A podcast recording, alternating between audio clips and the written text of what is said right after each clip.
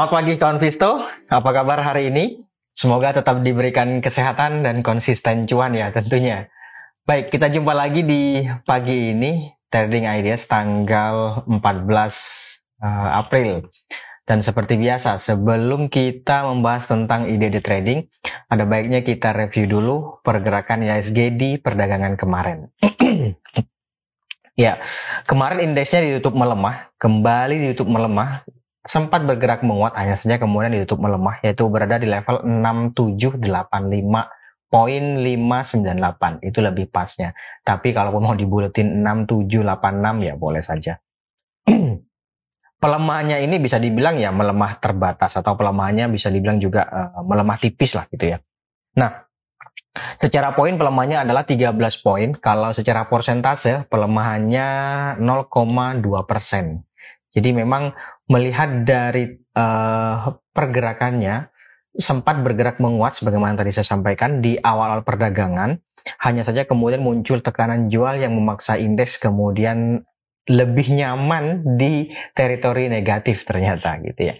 Nah, sampai dengan sesi pertama berakhir itu uh, dominasi pergerakan itu masih didominasi oleh tekanan jual. Artinya meskipun uh, di awal perdagangan sempat muncul dorongan beli yang mencoba untuk membawa indeks bergerak di teritori positif, akan tetapi itu tidak mampu membawa indeks lebih bergerak lebih jauh. Yang pada akhirnya kemudian muncul tekanan jual uh, dan bergerak di cenderung di teritori di teritori negatif. Atau ya dengan kata lain di sesi pertama bisa ditampak di gambar sesi pertama sangat jelas sekali bahwa kecenderungannya cenderung bergerak melemah. Nah, berbeda dengan sesi pertama, di sesi kedua kemarin indeksnya justru tampaknya lebih didominasi oleh dorongan belinya. Jadi meskipun indeksnya bergerak di teritori negatif, tetap bergerak di teritori negatif, akan tetapi penguasaan pasar atau dominasi pergerakan, dominasi uh, pasar itu uh, pergerakan pasar lebih didominasi oleh dorongan belinya, itu ya. Nah di sesi kedua ini bisa dibilang kecenderungannya cenderung bergerak menguat. Apakah nanti akan berdampak di hari ini? Coba nanti kita lihat bareng-bareng.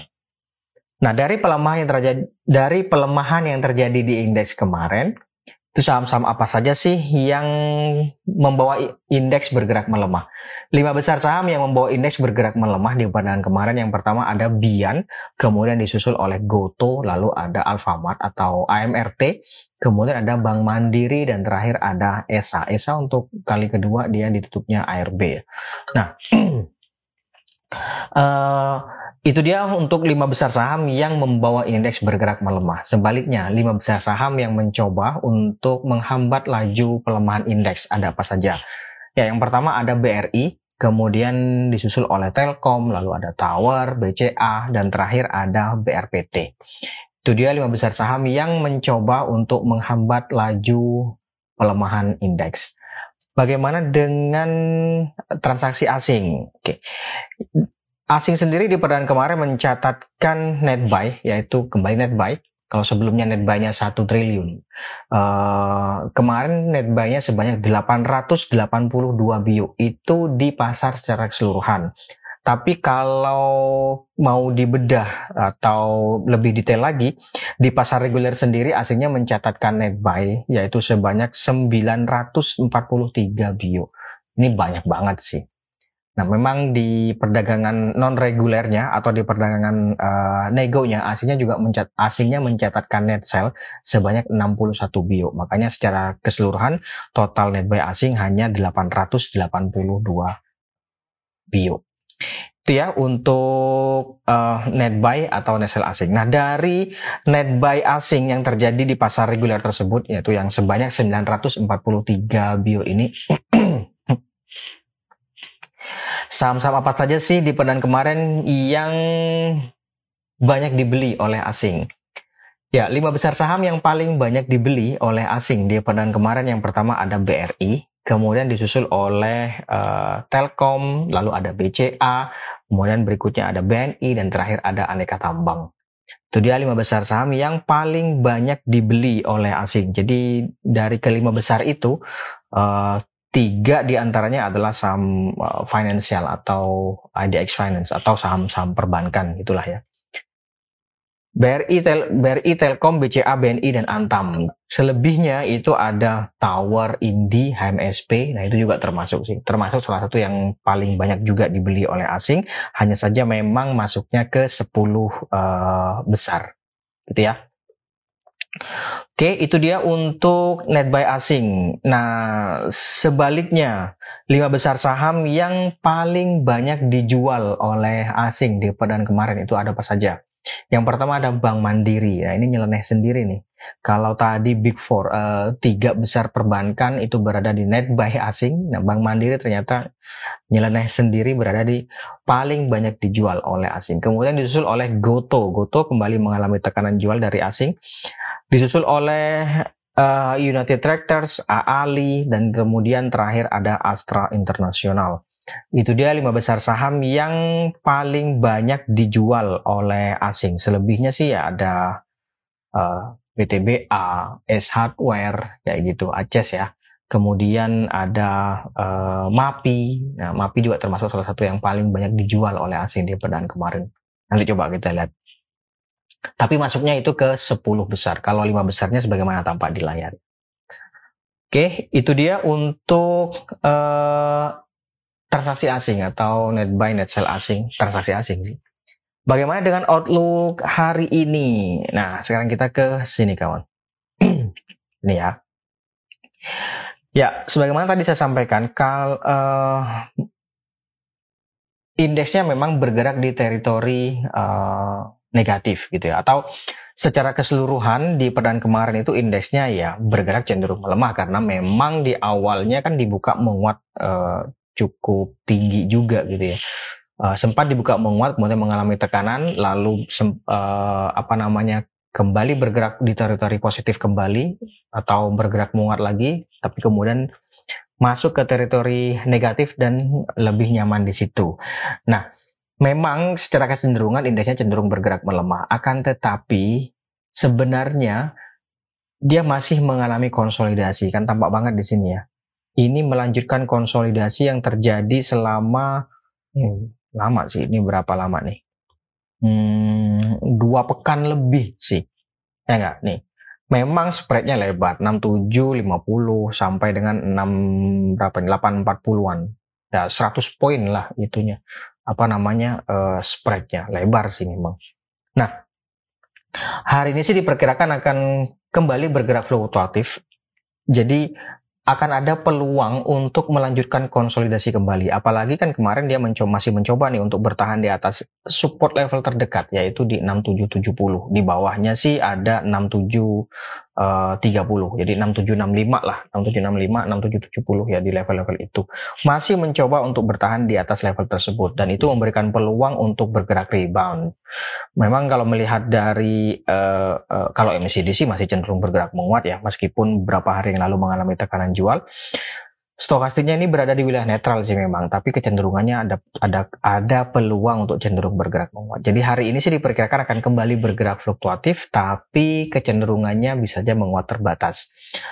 Awalnya mungkin bisa jadi dibuka uh, melemah terlebih dahulu, atau jangan-jangan bisa saja terjadi panic buying. Kalau melihat uh, apa namanya indeks global itu kan rata-rata naik semua di atas satu persen kan ya? Dan uh, apa sih dampak apa sih isu dari global? Ya isu dari global sih masih seputar the Fed uh, atau data-data jadi gini data-data yang ada di di global sana tampaknya mendukung the Fed untuk uh, apa mengerem laju kenaikan suku bunga. Masih seputar itu Tid belum ada hal-hal lain yang yang apa yang yang yang uh, berdampak atau menjadi isu primernya belum ada masih seputar itu aja ya Nah sekali lagi hari ini diperkirakan akan kembali bergerak fluktuatif tapi kecenderungannya bisa menguat terbatas. Ring pergerakan diperkirakan antara 6765 sampai dengan 6845 di level-level itu kawan. Ya sinilah 6845 kan di sini ya. Nah ya betul. Itu ya. Oke, sekarang kita ke ide trading. Barangkali ada yang punya ide trading Ciami, boleh di spill dong. boleh disampaikan nanti kita lihat bareng-bareng ya. Oke, saya lihat dulu. ide trading yang pertama ada Bentar. Hmm, BRMS. BRMS. Yang cukup menarik sih. BRMS. Ya, memang kemarin uh, le, apa mengalami bukan mengalami tekanan jual, penguasaan pasar, penguasaan harga itu lebih didominasi oleh tekanan jual. Artinya begini, sempat dibuka menguat terlebih dahulu, nih kalau kita lihat di sini ya, sempat dibuka menguat terlebih dahulu, akan tetapi kemudian ditutupnya bertahan di 162 ya kan? Ini bertahan kan di 162 atau closingnya ya sama lah dengan closing sehari sebelumnya. Nah menariknya adalah sudah dua hari dia mengalami tekanan jual tapi masih mencoba untuk bertahan di atas 1, 160 ini 160 yang di sini 158 kawan jadi menurut saya sih ini ada uh, boleh buy on weakness, buy on weakness 158 sampai 160 itu uh, oke okay juga atau bisa saja sih sebenarnya ini spekulatif buy juga. Kenapa demikian?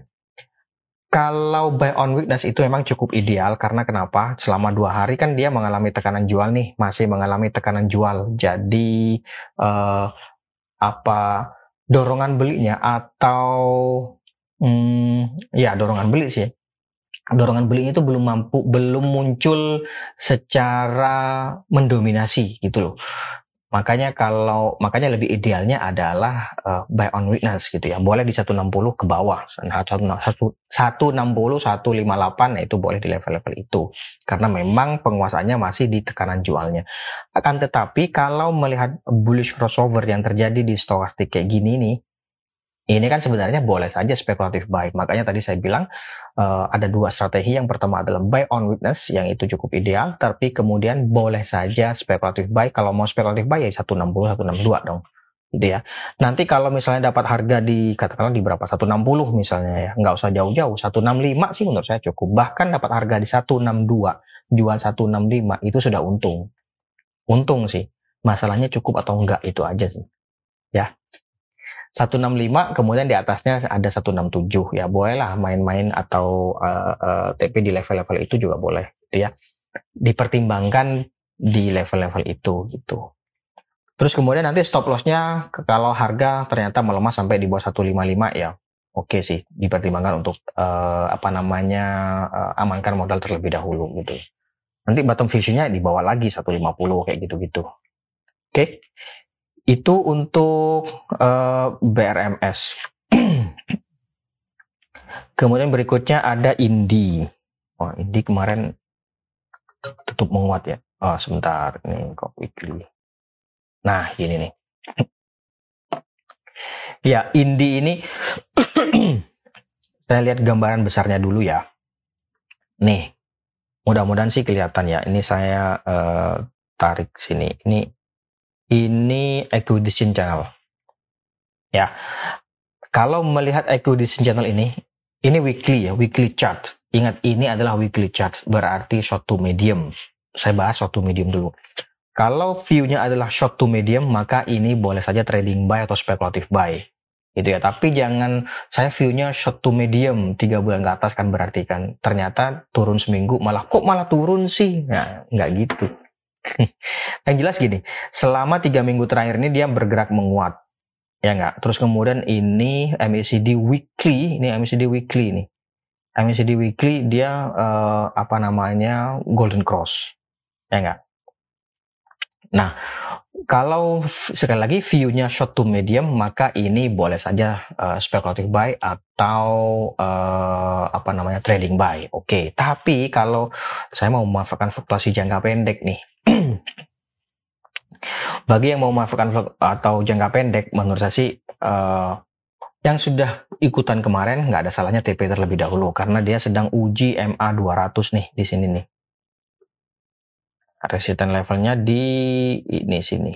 Ini berapa ini? 2775. Kok 2775? 2770. 2770. Ya trading buy sih boleh saja Cuman biasanya ketika terjadi long white candle dia akan mengalami koreksi terlebih dahulu atau mengalami post. Jadi hari ini ada potensi sih dia untuk post terlebih dahulu. Bukan berarti terus kemudian turun ya atau koreksi bukan. uh, itu hanya post saja gitu karena melihat golden cross yang terjadi di sini nih, ini EMA 20 sampai EMA 50 menurut saya sih masih ada peluang untuk bergerak muat ke depannya. Tapi strateginya yang paling pas untuk jangka pendek menurut saya bagi yang belum punya either itu buy on breakout atau buy on weakness saja sekalian di 2600 ke bawah gitu ya. 2600 ke bawah, 2600 sampai 2500-an lah di level-level itu atau di, ya pokoknya di bawah 2600 sampai 2500 lah di level-level itu boleh sih menurut saya untuk uh, speculative buy. Dan dengan closing kemarin berarti buy on weakness gitu ya. Atau ya buy on breakouts di atas 2760 di atas sini? Ya boleh. Di atas sini sih. Itu ya dua, di atas 2770 kalau trading buy boleh nggak? 2700 terus kemudian 2770 boleh saja tapi biasanya kalau kita uh, uh, mungkin psikologi orang ya. Ketika trading buy 2700 karena terlalu dekat 2770, 70 ya baru baru cuan segini nah biasanya kayak gitu sih. Tapi ya kalau bisa konsisten di situ menurut saya sih bagus. Oke juga sih gitu. Kan udah dua setengah persen juga cukup sih harusnya. Ya enggak? Atau gini deh, kalau misalnya hari ini dia dibuka menguat atau open gap, katakanlah dibukanya 2740 misalnya, mending tunggu di bawah. Tapi kalau misalnya dia dibukanya melemah, katakanlah di 2680, 2670, terus kemudian dia naik di atas 2700, boleh ikutan speculative buy. Nanti ya 2770 nggak usah jauh-jauh. Oke, atau 2750 juga boleh. 2750 atau 2770 di level-level itu oke boleh. Oke, itu Indi. Berikutnya MAPI ya. Tadi MAPI. Oke. ini dia MAPI nih. MAPI ini sempat bergerak melemah di awal-awal perdagangan. Ya. Sempat uh, melemah terlebih dahulu, hanya saja kemudian dia mampu ditutup menguat menghadirkan dorongan beli yang bisa dibilang cukup mendominasi pergerakan harga di kemarin Melihat dari bullish crossover yang terjadi di stokastik ini, saya pikir sih masih ada peluang untuk bergerak menguat. Hanya saja memang kok tampaknya dia sedikit kebentur dengan resistance level yang ada di 1400. Maka ada dua strategi yang bisa dipertimbangkan. Yang pertama adalah buy on weakness, boleh dipertimbangkan di tiga. Memang sih idealnya kan di sini ya belinya ya, bener nggak? 12 1250 nih di sini. Ini kan MA, eh sorry, MA 200 nih di sini nih. Maka idealnya kan nunggu di sini gitu nggak? 12 uh, eh, berapa sih ini? 1250 sampai 1300 lah di di level-level itu uh, buy on nya gitu kan ya. Tapi uh, menurut saya sih buy on weakness di 1350 sampai 1375 itu sih juga sudah oke okay sih meskipun nggak cukup ideal juga gitu ya tapi oke okay lah gitu. Tapi ya, uh, yang kedua adalah eh, yang kedua betul, yang kedua adalah buy on breakout yaitu di atas 1400, 1405 sampai 1410 ya boleh sih. Kalau dapat harga di atas 1400 menurut saya sih ada bisa dipertimbangkan 1465 take profit di level itu boleh. Tapi kalau misalnya dapat harga di 1375 katakanlah ya buy on witness dapat harganya di 1375 nggak usah nunggu sampai 1465 1440 menurut saya sih udah udah untung sih yang jelas ya. Cukup, saya sih cukup. Belum tentu yang lain cukup gitu kan. Oke, itu untuk uh, MAPI. MAPI. Stop lossnya nanti kalau harga ternyata melemah, misalnya dapat harga di berapa? Katakanlah 1375 atau 1350, dapat harga di atas 3 di di di, di 1350 menurut saya sih stop lossnya di bawah uh, 13.30 ya gitu-gitu. Kalau dapat harganya di 13.70 atau di bawah 13.75 ya stop lossnya di bawah 13.50 ya kayak gitu-gitu ya. Oke, itu untuk yang jelas support terdekatnya itu ada di 13.75 terus kemudian berikutnya ada 13.50. Terus di bawahnya lagi ada 13.30. Itu kawan. Oke, itu untuk MAPI. Kemudian Antam. Nah, ini Antam juga menarik sih. ini Antam ya. Antam kemarin dia mampu YouTube menguat. Ya, ini sebenarnya sudah bisa sih kalau mau spekulatif buy. Karena kan uh, gini. Nah, gini ya. Saya nih ya. Nih, Antam kemarin dia uh, mencoba untuk bertahan di atas 2100. Pas di 2100 ini kan bisa dibilang support, bener nggak? Resist yang menjadi support gitu ya. Ini sih sebenarnya sudah boleh sih untuk spekulatif buy sudah boleh untuk spekulatif buy. Cuman kalau secara konfirmasi atau secara teori lah bisa dibilang gitu ya, ini belum memenuhi kriteria rule of three. Jadi lihat aja hari ini kalau dia mampu masih bertahan di, di atas 2100 menurut saya sih oke okay sih. Tapi sudah boleh sih untuk spekulatif buy, untuk trading buy juga sudah boleh. Nanti targetnya di berapa? 2200 nih harusnya sih cukup. Nih, di sini 2200 nih kawan. Atau 290, 2200 ya di level-level itulah gitu ya. Jadi oleh karena itu uh, ini spekulatif buy boleh, tapi kalau mau buy on witness ya oke okay juga sih. Buy on witness berarti di 2100 di level itu. Boleh Oke, itu untuk Antam. Kemudian berikutnya Inco. Nah, Inco, ini dia Inco sebentar.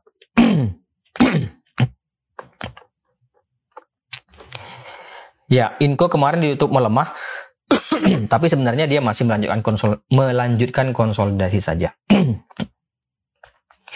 ini kurang lebih sama sih dengan uh, Antam, tapi ini di bagian uh, bawahnya gitu ya. Jadi boleh saja ini dipertimbangkan untuk buy on witness atau spekulatif buy sih lebih pasnya ya. Spekulatif buy 6325 sampai 6375 itu oke okay, boleh juga. Misalnya nih dapat harga di 6375 menurut saya sih nggak usah jauh-jauh. TP-nya TP di 6550 di sini udah harusnya sih sudah oke okay ya. Untung untung sih yang jelas sih. Gitu ya. Di atas satu persen lah. Nanti coba dihitung sendiri ya.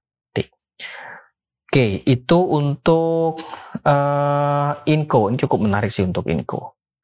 Atau kalau uh, uh, mau mau relatif confirm terlebih dahulu, boleh juga buy on breakout setidaknya di atas 6450.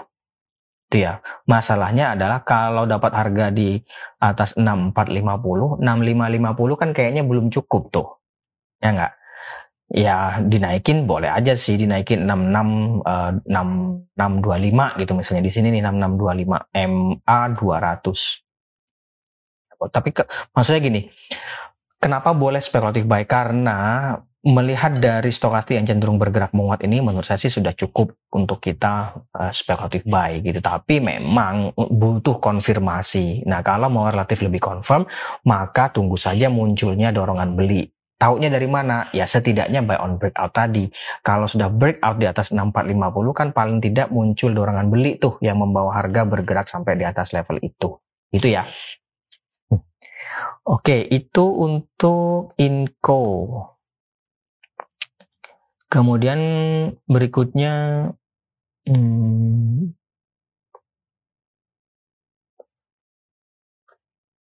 Breeze. Bris ini sudah bergerak menguat udah lama sih ya. Ya, jadi gini, Bris ini selama empat hari terakhir dia mengalami koreksi atau bisa dibilang ini throwback. Memang uh, uh, apa namanya kemarin dia sempat uji support yang ada di sini nih kawan, 17 1700. Jadi menurut saya sih pelemahan yang terjadi kemarin, ah, saya gede gini deh itu kan 55 rupiah. 55 rupiah itu berarti 11 poin. Ini dalam sih. Nah, sekali lagi biasanya ketika ketika pelemahannya cukup dalam uh, akan terjadi pause. Nah, bisa saja kita memanfaatkan pause itu. Jadi buy on witness menurut saya sih boleh saja 1700 sampai 1710 atau 1715 di level itu oke okay sih. Bisa dipertimbangkan di level itu. Tapi mesti cepat-cepat TP ya nanti di 1750 gitu misalnya TP-nya ya oke okay, boleh sih. Uh, 1750 di atasnya 1775 itu boleh juga. Oke, okay, itu untuk uh, breeze. Kemudian berikutnya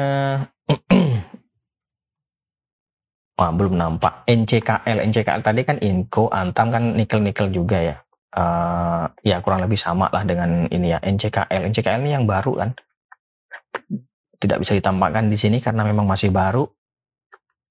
Ya melihat dari dominasi uh, uh, pergerakan ini masih masih hadir dorongan belinya. Jadi menurut saya sih uh, boleh saja ini trading buy. Uh, resisten levelnya di berapa? Resistennya di sini kawan 1375, kemudian di atasnya ada 1410. 1375 1410.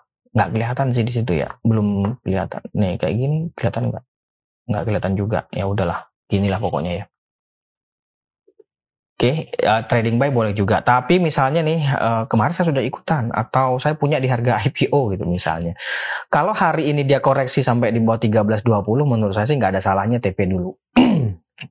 gitu. Oke, okay, itu untuk NCKL. Terakhir sebentar saya lihat dulu.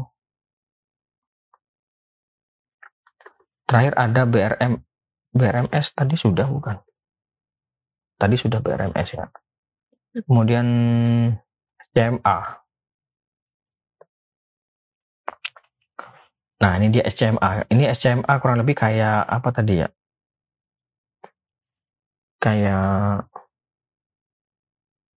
BRMS. Ya, gini. SCMA ini uh, sebentar ya. Ini bisa saja si spekulatif buy boleh dipertimbangkan di 175, 175 tuh di sini kawan. 175 sampai dengan 177 di level itu boleh uh, untuk spekulatif buy. Nanti TP-nya uh, eh, paling enggak di bukan paling enggak sih. Bisa dipertimbangkan di 180.